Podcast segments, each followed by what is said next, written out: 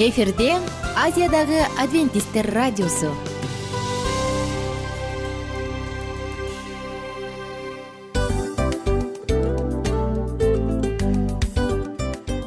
Достор салют. Баардык сүйүктүү угармандарыбызга салам айтабыз. Кутман күнүңүздөр менен. Ден соолук өмүрдүн булагы демекчи саламат саамы программасында баарыңыздарды көргөнүбүзгө абдан кубанычтабыз. Анда алгач амандашып өтөлү арбаңыздар деп. Ден соолугуңуздар кандай элибизде көбүнчө ден соолук кандай дегенде эле жакшы деп жооп беребиз э ооруп турсак дагы жакшы дейбиз. Анан мен муну айтып ойлойт элем бул абдан сонун сөз депчи анткени бул жакшы деген үмүт да э ооба баары жакшы болот. Баары сонун. Деп үмүттөнүп атып эле өзүбүздү өзүбүз дарылап коебуз. Анысы кандай? Сиздин дагы ден соолугуңуз жакшы беш деген үмүттөбүз чындыгында ден соолук бул өмүрдүн булагы деп бекеринен айтылган эмес деп ойлойм. Кыргыз элинде анткени эгерде ден соолук жок болсо анда адамдын жашоосунда калган баардык керектүү маңыздуу нерселер өзүнүн баалуулугун жоготуп коет. Ошондуктан ден соолук бул эң керектүү нерсе. Ооба туура айтасың кесиптешим чынында ден соолугуң жок бир эки үч күн ооруп калсаң эле э кандай болуп калат? Жашоодо көз каранды болуп каласың көп нерсеге жетишпей каласың көп нерсени кыла албай каласың жада калса эшикке дүкөнгө да чыга албай каласың. Туптуура анан ден соолук болсо демек биз биздин бактыбыз тотой деп койсок болот. Анда достор саламат саамы рубрикабызды баштайлы. Алдыда өзүңүзгө керектүү болгон сонун кеңештерди уга аласыздар. Мына ошондуктан биз менен бирге болуңуздар. Ал эми биз болсо милан жана айнура.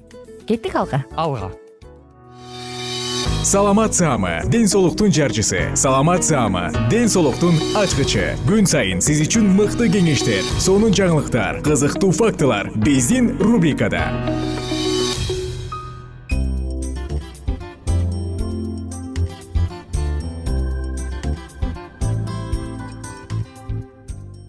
менен салют достор жалпы биздин сүйүктүү досторубузга угармандарыбызга замандаштарыбызга ала тообузду аркалаган элибизге ысык салам айтабыз. Жана сиздер менен кайрадан ден соолуктун камын көрүп баштайлы бүгүн болсо жадыраган сонун күндөрдүн бири. Бул күндө болсо күнбү айбы жакындарыбыз менен болгон мамилеби. Айтор баардыгы ден соолугубузду чыңдаш үчүн гана кызмат кылсын деген тилек менен саатыбызды улантабыз достор. Саламат саамы радио баракчасы. Демек ден соолуктун камын көрөбүз кайрадан кызматта мен айнура миназарова. Бүгүнкү темабыз дагы абдан маанилүү. Эсиңизде болсо биз мурунку уктуруубузда суу жөнүндө айтып өткөнбүз.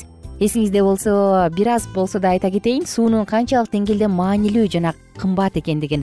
Бүгүн болсо мен убада бергем. Кандай суу ичиш керек? Мына ушул жөнүндө айтып берем деп. Албетте бул убадама бекем турам дагы алдыда кандай суу ичиш керек? Мына ушул жөнүндө кененирээк маалымат бергенге аракет кылам а сиз тараптан биздин ар бир сөзүбүздү калтырбай керек болсо калемсап кагаз алып жазып алганга да аракет кылыңыз. Жөнөдүк алдыны көздөй. Анда достор суроону кабыргасынан коелу кандай? Суу ичиш керек. Биринчиси таза суу. Суу адам баласына ичүүгө болот деп официалдуу түрдө таанылган суусундук көпчүлүк өлкөлөрдүн мыйзамы боюнча суунун курамында мышьяк кадмий цианид сыяктуу ар кандай токсиндердин бир аз өлчөмдө болушу бул нормалдуу мындай уулуу заттардын организмде акырындап чогулушу зыяндуубу же жокпу азырынча толук изилдене элек. Экинчи кандай суу ичиш керек? Иондошкон суу. Иондошкон сууну алыш үчүн таза сууну электролиз же башка электрикалык процесстер менен алышат. Иондошкон сууну жактырган адамдар анын курамындагы аш шелоч көрсөткүчү кандын курамындагы ашыкча кислоталарды нейтралдаштырат деп эсептешет суунун мындай түрүнө антиоксиданттык жана курак ажарга каршы таасир этүүчү касиети бар. Бирок буга жетиштүү илимий далил жок. Мына достор ушундай. Үчүнчүсү фильтрленген суу. Фильтрленген суу көбүнчө активдешилген көмүр менен фильтрден өтөт. Мындай фильтр негизинен кээ бир майда нерселерди микроорганизмдерди хлор жана пестициддерди жок кылат. Бирок ошентсе да химиялык булгааначтардын көпчүлүктөрүдүн баары тең бир өтүп кетет. Эске сала кетсек вирустар тазаланбайт анткени фильтр аларды кармабайт. Бул фильтрленген суу болду. Дагы кандай суу ичиш керек? Албетте минералдык суусундуктарды айтпай кетпесек болбос. Минерал суусундуктары. Минерал суусу ар кандай минералдарды камтыган жаратылыш булактарынан алынган суу. Бизде өзгөчө э шаарыбызда өлкөбүздө минералданган суулар өтө эле кеңирип бутылкаларга куюлган минерал сууларды микробтордон толук тазаланган ал таза суу болуп саналат. Осмо сыкманын жардамы менен кайра тазаланган сууну да айтыш керек. Бул таптаза суу деп айтса болот. Атайы мембрандардын жардамы менен токсон токсон беш пайызга чейин минерал туздарды жана бирдетүүчү заттарды тазалап койсо болот. Ошондой эле достор тазаланган суу бул тазалануунун ар кандай процесстерин өткөн ичүүчү суу мында суу хлорлонот фильтрленет кайрадан осмостон өтөт. Анан ошондой болот. Мына бул тазаланган суу. Дагы кандай суу ичиш керек дегенде дистилденген сууну айтпай кетсек болбостур дистилденген суу дистилляция деп коет эмеспи дистиллированная вода деп коет орус тилинде. Э бул дистилденген суу химиялык жактан таза суу болгону суу андан башка эч нерсе жок дистилляция процесси мындайча өтөт. Сууну кайнаганга чейин жеткирет дагы таза суунун тамчылары пайда болгондой кылып буусун муздатат. Дистилденген суу эң таза жана уу жок ичүүгө жарамдуу суулардын бир түрү. Эми анын артыкчылыктарын карап көрөлү дистилденген сууну атайын аптекаларда дагы жасап лабораторияларда жасап сатышат эмеспи? Кандай артыкчылыктары бар? Биринчиден эч кандай микроорганизмдер вирус бактериялар паразиттер жок. Анын баары кайнап жатканда өлөт мындай суудан гастроэнтерит же башка жугуштуу оорулар жукпайт деп кепилдик берсе болот. Дистилденген суунун артыкчылыгынын экинчиси дистилденген суунун курамында оор металл же химиялык булгагычтар жок. Алардын баардыгы кайнаткан идиштин түбүнө чөгүп кетет. А эгер алар учуучу болсо дистилляция жасап жаткан аппараттын фильтрлеринде калат жана үчүнчү артыкчылыгы биз ичкен таза суу менен минералдык суулардан айырмаланып дистилденген сууда эч кандай минералдык туздар калий кальций жана башка ушул сыяктуу туздар жок. Ошол эле учурда туздар жетишсиз болгондуктан улуу заттардан уулуу заттардан дагы таза болот. Бул дистилденген суу болду. Эми ар бирибиздин алдыбызда күнүнө канча суу ичиш керек дегиле деген суроо эң эле актуалдуу суроолордун бири. Бул жөнүндө айтсак организмдин оптималдуу гидратациясын камсыздаш үчүн чаңкап суусаганда жана суу ичүү жетишсиз. Бөйрөктөр функциясын туура жана жакшы аткара алыш үчүн заара агыш түстүү жана тунук болгончо суу ичиш керек. Заара күңүрт сары түстө болсо демек биздин организмге суу жетишпей жатканын белгиси. Жалпысынан күнүнө алтыдан сегиз стаканга чейин суу жетиштүү бул бир жарымдан эки литрге чейин ошентсе дагы суу ичүүнүн нормасы абанын температурасы жана тамактануу түрүнөн дагы көз каранды. Биз көбүнчө качан сууну өкүртөп ичебиз туздуу тамак жегенде камыр тамак жегенде күчтүү тамак жегенде же кечки ачка жүрүп кечинде тамак ичкенден кийин укмуш суусайбыз дагы толтура суу ичип туруп анан жатабыз. Эртеси көз башыбыз шишип турат э? Эс албай калабыз.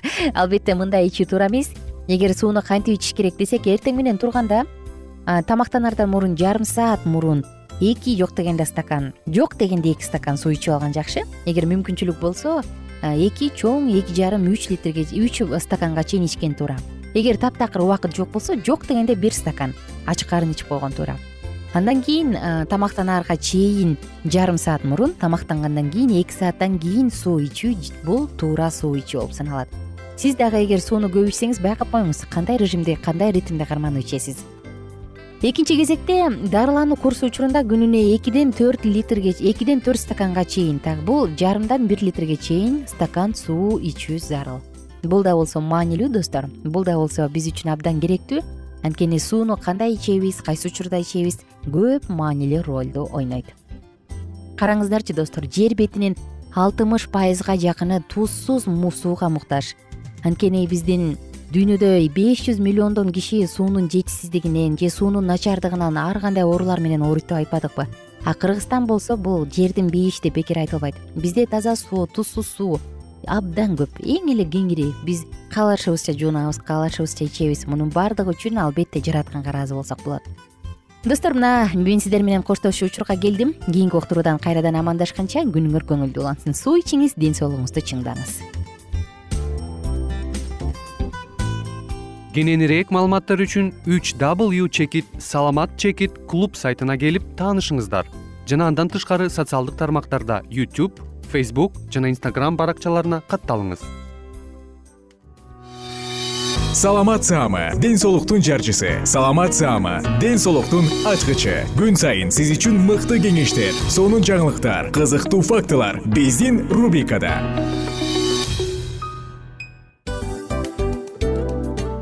салам достор. Кайрадан биздин сүйүктүү рубрикабызга кош келиңиздер деп айтмакчыбыз. Баардык замандаштарыбызга арбаңыздар деп саламыбызды айтабыз. Улуу ушундай бир урматтаган учурашуу менен анан дил маек радио баракчабызга чакырабыз. Негизи дил маек биздин рубрикабызда эмне жөнүндө кеп кылабыз бул дил маектин мааниси эмнеде? Рубрикабыз менен кичине тааныштырып кетсеңиз. Сөзсүз түрдө тааныштыра кетейин. Кесиптешим суранычы боюнча бул учурда бул радио баракчада биз ар тарап кесип ээлеринен сонун кеңештерди алабыз сүйлөшөбүз сырдашабыз. Аталарыбыздын эжелерибиздин апаларыбыздын кеңештерин угабыз айтор. Жан дүйнөгө адамдын э, сапатына адамдын деги эле адам болуп жашашына керектүү баардык кеңештер алдыда.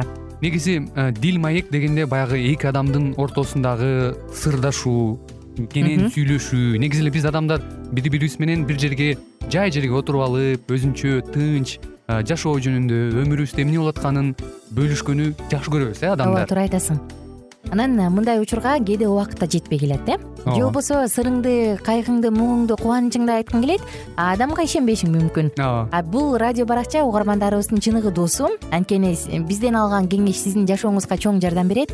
Ал эми сиздин бизге айта турган сөзүңүз ортодо гана сыр бойдон калат.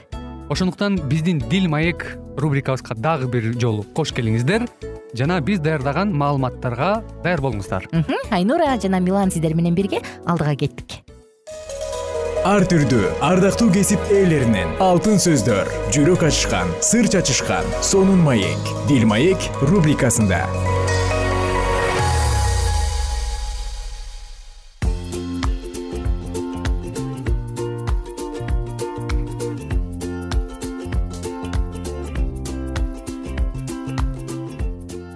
кандайсыздар достор? Кандайсыздар угармандар? Жалпыңыздардын маанайыңыздар сонунбу кайрадан үн алышканыма кубанычтамын. Бүгүн сиздер менен убада кылгандай эле сүйүүнүн күчү жөнүндө сөз кылабыз. Тыңдап жатканыңыз дил маек радио баракчасы жана бактылуу үй бүлө деп аталган цикл уланат. Сүйүү бул үй турмуш бакытынын ачкычы. Сүйүү кудайдын кудуретинен келип чыккан кереметтүү күчтү ээлейт сылык жооп каарды токтотот сүйүү бул чыдамдуу жана боорукер көп күнөөлөрдү жаап коет. Эгерде ушул жакшы белектер биздин жашоо өмүрүбүздө көрүнө турган болсо анда биз айыктыруучу ушул күчтүн урматына өзүбүздө кандай сабактарга үйрөнөлү элек биздин жашообуз кандай өзгөрмөк? Бул баа жеткис сабактар ушунчалык жөнөкөй болгондуктан аларды жаш балдар дагы жөндөп кетүүгө болот. Жалпы алынган көз караш боюнча акча бул бийлик бирок кудайга ишенгендердин көз карашы боюнча сүйүү бул бийлик. Мунун негизинде акыл эстүүлүк жана руханий күч аракеттенет. Таза сүйүү жакшылык жаратуучу өзгөчө күчкө ээ жана жакшылык кылуудан башка эч нерсе жарата албайт. Ал талаш тартыштын болуусунан жана кайгы кападан алдын ала сактайт жана чыныгы бакыттык алып келет байлык ар дайым адамдарды бузат жана аларды ар дайым өлүмдү көздөй жетектейт күч аракет жашоодо жан кейитүүсү мүмкүн. Бирок чындык жана мээримдүүлүк тунук сүйүүнүн кошулмасы боло алат. Тынчтык биримдүүлүк сүйүү жана бактылуулук сапаттарын күндөн күнгө өстүрүү зарыл сүйүүнүн өсүшү кылдаттык менен талыкпаган эмгектенүүнү талап кылат. Болбосо анын өлүп калуусу мүмкүн да туурабы баардык жакшылыктын негизин көз каректей сактоо керек. Эгерде алар биздин жан дүйнөбүздө өсүп чыгуусун кааласак көрө албастык кызгануучулук жаман жөрөлгөлөр тилезаардык чыдамсыздык жаман ойдо болуп өзүмчүлдүк ач көздүк жана өзүн барктоочулук сапаттарын түп орду менен жок кылуу керек. Балдар жөн гана балдар эмеспи? Өз балалык курагыңарды унутуп коюп балдар менен катаал мамиледе сүйлөшүүчү болбогула алар анткени жөн гана балдар эмес. Алар азыркы учурда эле жеткилең болуп калышат деп эсептебегиле жана алардан чоң кишилер кылгандай жашагандай жашоону талап кылбагыла. Ата энелерге өз балалык күндөрүн унутпагандыгы өтө зарыл. Алар сүйүүнү жана тилектеш болуулукту ушунчалык эңсеп көргүлөрү келгендигин жана улуулар таарынтып койгон учурларда жазалаганда жана итиркейин келтиргенде өздөрүн канчалык бактысыз санашкандыгын унутпашсынчы. Балдардын талап баягы кылгандыгын түшүнүү үчүн алар өз жан дүйнөсүндө балдардыкындай кыялдуулукту сезип жана балдардын ойлоо деңгээлине чейин түшүп баруулары чоң олжо балдар мээримдүүлүк жандандыруучу сөздөргө муктаж кичинекей нарестелердин жүрөгүнө күн нурундай жарык берүүчү чын жүрөктөн чыккан каалоо сөздөрдү айтуу канчалыктуу жөнөкөй жана бул сөздөр аларга бар кайгысын унуттууга жардам берет. Ата энелер өз уулдарыңарды сүйгүлө аларды наристе курагында сүйгүлө аларды өспүрүм курагында сүйгүлө аларды жаштык курагында сүйгүлө алардын көз алдында кабагыңарды карыш түйбөгүлө бирок ар дайым жаркын маанайда болгула сүйүү менен тартиптүүлүктүн ортосундагы тең салмактуулукту айтсак э кээде сүйөбүз деп эркелетебиз тартипке салабыз деп мерез болуп калышыбыз мүмкүн э балдарыңарга күрөшүүдө жеңүүгө жардам бергиле аларды сүйүүнүн айланасында өстүргүлө. Мына ушундай кылуу менен силер алардын тоң моюндуулугун жана өз дегенин бербеген кылыктарын жеңип атасыңар. Силер ар дайым силердин балдарыңар силер аларды сүйүп жана алар үчүн эмгектенип жатканыңарды жана алардын жашоосу силер үчүн өтө кымбат жана силер алар үчүн баарын кылууга даяр экениңерди балдар үчүн эмне жасасаңар дагы алардын пайдасы үчүн жасап жатканыңарды билишип тургандай кылып жеткиргиле. Силер керектүү деп ойлой турган болсоңор ар дайым алардын болор болбос муктаждыгын канааттандыра аласыңар. Балдар менен кеңешүүдө эч убакта катуу умтулуу таасирине сүйлөшүүгө аракеттенбегиле. Бири бириңерге жакындык жана кадырга ээ болуп эсептелип турсун. Өз балдарыңардагы кызыктыруучулукту жана баардык жакшы нерселерди сактагыла жана кубаттап тургула силер качан алар үчүн залакасын тийгизе тургандарды алып берүүдөн баш тартсаңар анда аларга силер аларды сүйгөнүңөрдү жана алардын бактылуу болуусун кааларыңарды ошол үчүн булар аларга кедерги келтирерин түшүндүргүлө. Балаңар канчалык өзүнө тартуулугу аз болсо ага ошончолук көп сылыктык жана сүйүү көргөзгүлө. Наристе качан силер аны бактылуу кылгыңар келерин толук түшүнсө силердин ортоңордогу тоскоолдуктарды силердин болгон сүйүүңөр талкалап турат. Бул эреже аркылуу элдер менен сүйлөшүп ыйса колдонуп жүргөн. Бул эрежелерге биз дагы өз багытыбызды бурушубуз. Өтө чоң маанилүү. Көпчүлүк үй бүлөлөрдө бири бирине бир туугандык мамилелери эч кандай билинбейт э. Ыгы жок эркелетүүчүлүккө муктаждыктары жок. Бирок баардыгы сүйүүнүн жана мээримдүүлүктүн көрүнүүсүнө муктаж. Кичине эле кичипейилдик чын жүрөктөн чыккан жакшы сөздөр кам көрүүчү көңүл буруу. Бири бирине болгон байланыштуулук жолдошу менен жубайынын ата энелер менен балдардын ага инилер менен эже сиңдилердин ортосунда чынжырдай бекем мамиле болушу керек. Ойлонулбаган одоно сөздөрдөн качкыла кимдир бирөө башкасын сүйө албай жаткандыгына кичине дагы көңүл бурбагыла. Эң жакшысы бирөөгө жакшылык тилөөчүлүк сөз айтып башкаларга сүйкүмдүү болуу. Балдары үчүн чын жүрөктөн кам көргөн жана аларды туура тарбиялап сүйүү көргөзүп турган ата эне кудайдын бизге болгон сүйүүсүнүн кичинекей ченемин чагылдырып турат. Мен балдарга болгон өз сүйүүмдү кандайча билдирип турам. Төмөндө биз айта турган жагдайларды иликтеп көрүп силердин өз балдарыңарга болгон көз карашыңарды ойлонуп көргүлө. Биринчи силердин балаңар өз бир тууганы менен болгон анча чоң эмес талаш тартыштан башка бул күндө өзүн жакшы алып жүрдү. Силердин балаңар өз чечими менен идиш аяктарды жууп койду бирок жууган буюмдарын жинабастан калтырды силердин он жаштагы балаңар төрт беши бар үч төртү бар. Бирок эки үчү бар күндөлүгүн баалары менен алып келди. Силердин балаңар силерге сатып алганыңарды көтөрүшүүгө жардам берди бирок бир пакетти түшүрүп алды. Силердин балаңар түшкү тамактын баарын түгөттү салаттан башкасын. Жакшы жүрүш туруштарга демилге берип колдоо керек. Мына ушундай кылуу менен биз аны бекемдейбиз. Жаман жүрүш туруштары менен дагы ушундай болот ошондуктан аны көрсө көрмөксөнгө салууга аракеттенгиле же жылуу жумшактык менен жөндөп койгула. Достор бул сөздөр дагы биздин жашообузду өзгөртүүгө чоң таасир берет деп ишенем. Кайрадан жалпыңыздар менен амандашканча күнүңүздөр көңүлдүү улансын.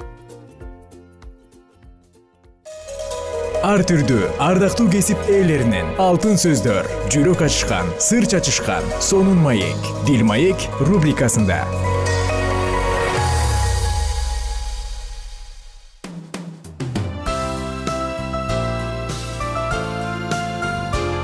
эфирде азиядагы адвентисттер радиосу.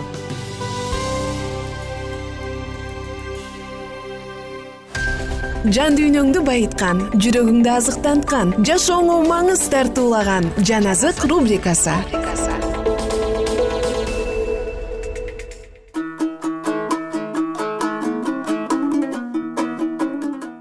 кутмандуу куш убак күнүңүздөр менен биздин кадырлуу замандаштарыбыз жалпы сүйүктүү угармандарыбыз менен амандашып биз кайрадан жан азык рубрикасын баштадык. Жан дүйнөбүздүн ачкычы жан дүйнөбүздүн булагы болгон дал ушул жан азык уктуруусу дагы жан дүйнөбүздү байытуу үчүн арналат мына ошондуктан баардык жан дүйнөм сулуу болсун деген угармандарыбыздын баардыгын бай болгусу келген угармандарыбызды дал ушул рубрикабызга чакырабыз. Достор сиздер менен бирге биз лука жазган жакшы кабарды окуп жатканбыз бул китепти окууну улантабыз лука жазган жакшы кабар инжил китебинен орун алган. Эгер сиз бул тууралуу уккан болсоңуз билген болсоңуз анда тарыхта адамдын адамзатынын тарыхын өзгөрткөн эң зор окуялар тарыхта толугу менен нухту өзгөрткөн мыкты окуялар жазылган. Бул окуялар менен сиздер менен да бөлүшүп кетели. Лука жазган жакшы кабар сегизинчи бөлүм. Биринчи аяттан тарта ушундан кийин ыйса шаарларды айыл кыштактарды аралап кудайдын падышачылыгы жөнүндөгү жакшы кабарды таратып жүрдү. Аны он эки шакирти жана көптөгөн аялдар ээрчип жүрүштү. Ыйса ал аялдарды жин оорусунан жана башка ооруларынан айыктырган эле. Алар ичинен жети жин чыккан магдалалык мариям ироддун сарай башчысы хузанын аялы жахана сузана жана башкалар. Алар ага өз мүлктөрү менен кызмат кылып жатышты бардык шаарлардын тургундары келип көп эл чогулуп калганда ыйса үлгү насаатан кеме менен сүйлөй баштады. Себүүчү өз үрөнүн себүү үчүн чыкты. Ал сээп жатканда кээ бир үрөндөр жол боюна түшүп тапталып калды. Канаттуулар аларды терип жеп кетишти. Кээ бир үрөндөр таш так жерге түштү. Үрөн өнүп чыккандан кийин нымдуулук жетишпей урап калды куурап калды. Кээ бир үрөндөр тикенектин арасына түштү. Өсүп келе жатканда аларды тикенек басып калды. Кээ бир үрөндөр жакшы жерге түштү. Өсүп чыгып жүз эсе түшүм берди. Ыйса муну айткандан кийин үнүн бийик чыгарып кимдин кулагы бар болсо ал уксун деди. Шакирттери андан бул үлгү насаатан кеменин мааниси кандай деп сурашты? Ыйса аларга мындай деп жооп берди. Силерге кудайдын падышачылыгынын жашыруун сырларын таанып билүү мүмкүнчүлүгү берилди. Ал эми башкаларга үлгү насаат аңгеме менен айтылат. Алар карап турса да көрүшпөйт угуп турса да угушпайт. Бул үлгү насаат аңгеменин мааниси мындай? Үрөн кудайдын сөзү. Жол боюна түшкөн үрөндөр сөзү сөздү уккан адамдарды билдирет бирок кийин шайтан келет да алар ишенбесин куткарылбасын деп жүрөктөрүнөн сөздү алып кетет. Таштак жерге түшкөн үрөндөр сөздү угуп кубанып кабыл алган адамдарды билдирет. Бирок алардын тамыры жок болгондуктан убактылуу гана ишенип сыноо убагында ишенимден четтеп кетишет. Ал эми тикенектин арасына түшкөн үрөндөр сөздү угуп бирок жемиш бербеген адамдарды билдирет алар нары басары менен түйшүккө батып байлыкка азгырылып жашоонун ыракатына берилип кетишет. Жакшы жерге түшкөн үрөндөр болсо мындай адамдарды билдирет.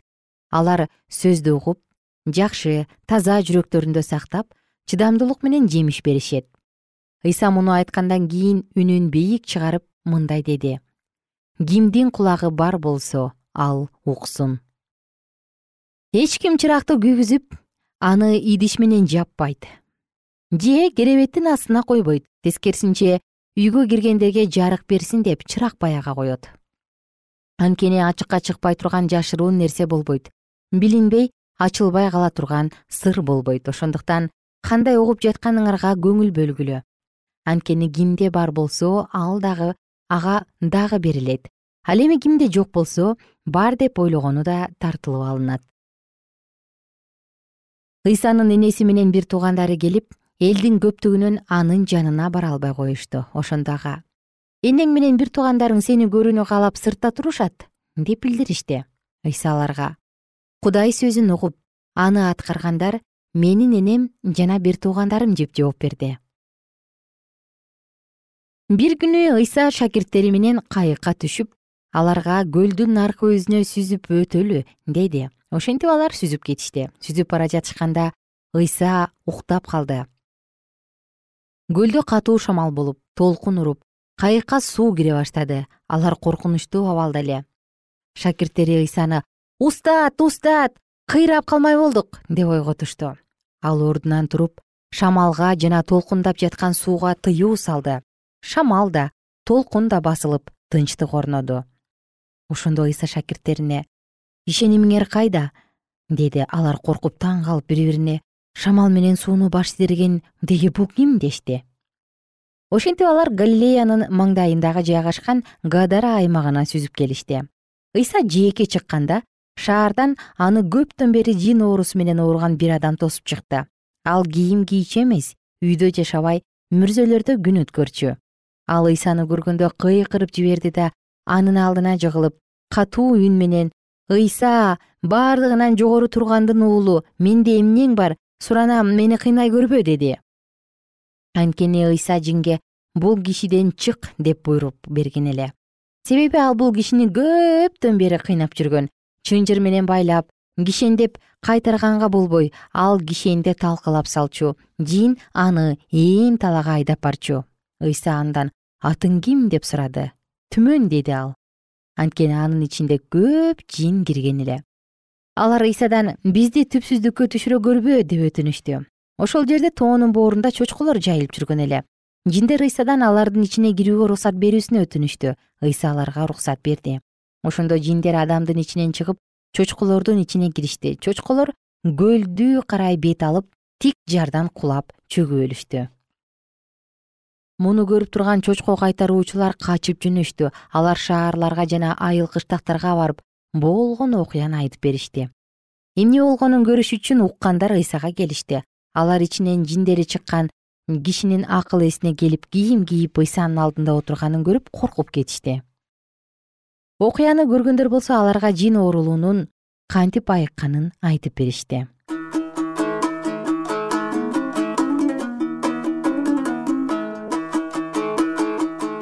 кымбаттуу достор окуябызды дал ушул жерден токтотобуз. Дагы кийинки уктуруудан сиздер менен бирге кайрадан саатыбызды улантабыз. Күнүңүздөр көңүлдүү улансын бар болуңуздар кайрадан амандашканча.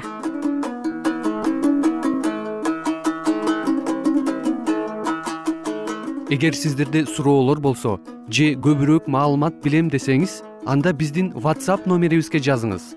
Плюс бир үч жүз бир жети жүз алтымыш алтымыш жетимиш кайрадан плюс бир үч жүз бир жети жүз алтымыш алтымыш жетимиш.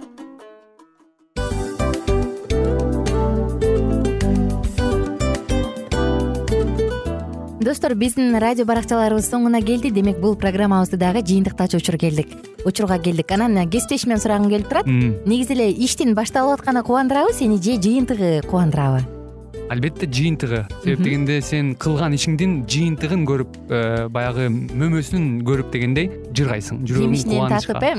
Кандай даамдуу деп. Баягы буудай сепкенде эмес буудай эгинди жыйнагандан кийин ысык нанды жегенде кадимкидей ырахаттанасың го. Ой айтпа туура айта кеттиң сонун салыштыруу болду анан мен дагы абдан кубанып турам. Анткени биз угармандарыбыз үчүн аябай эмгектенип келген уктуруубуздун соңуна келип калдык.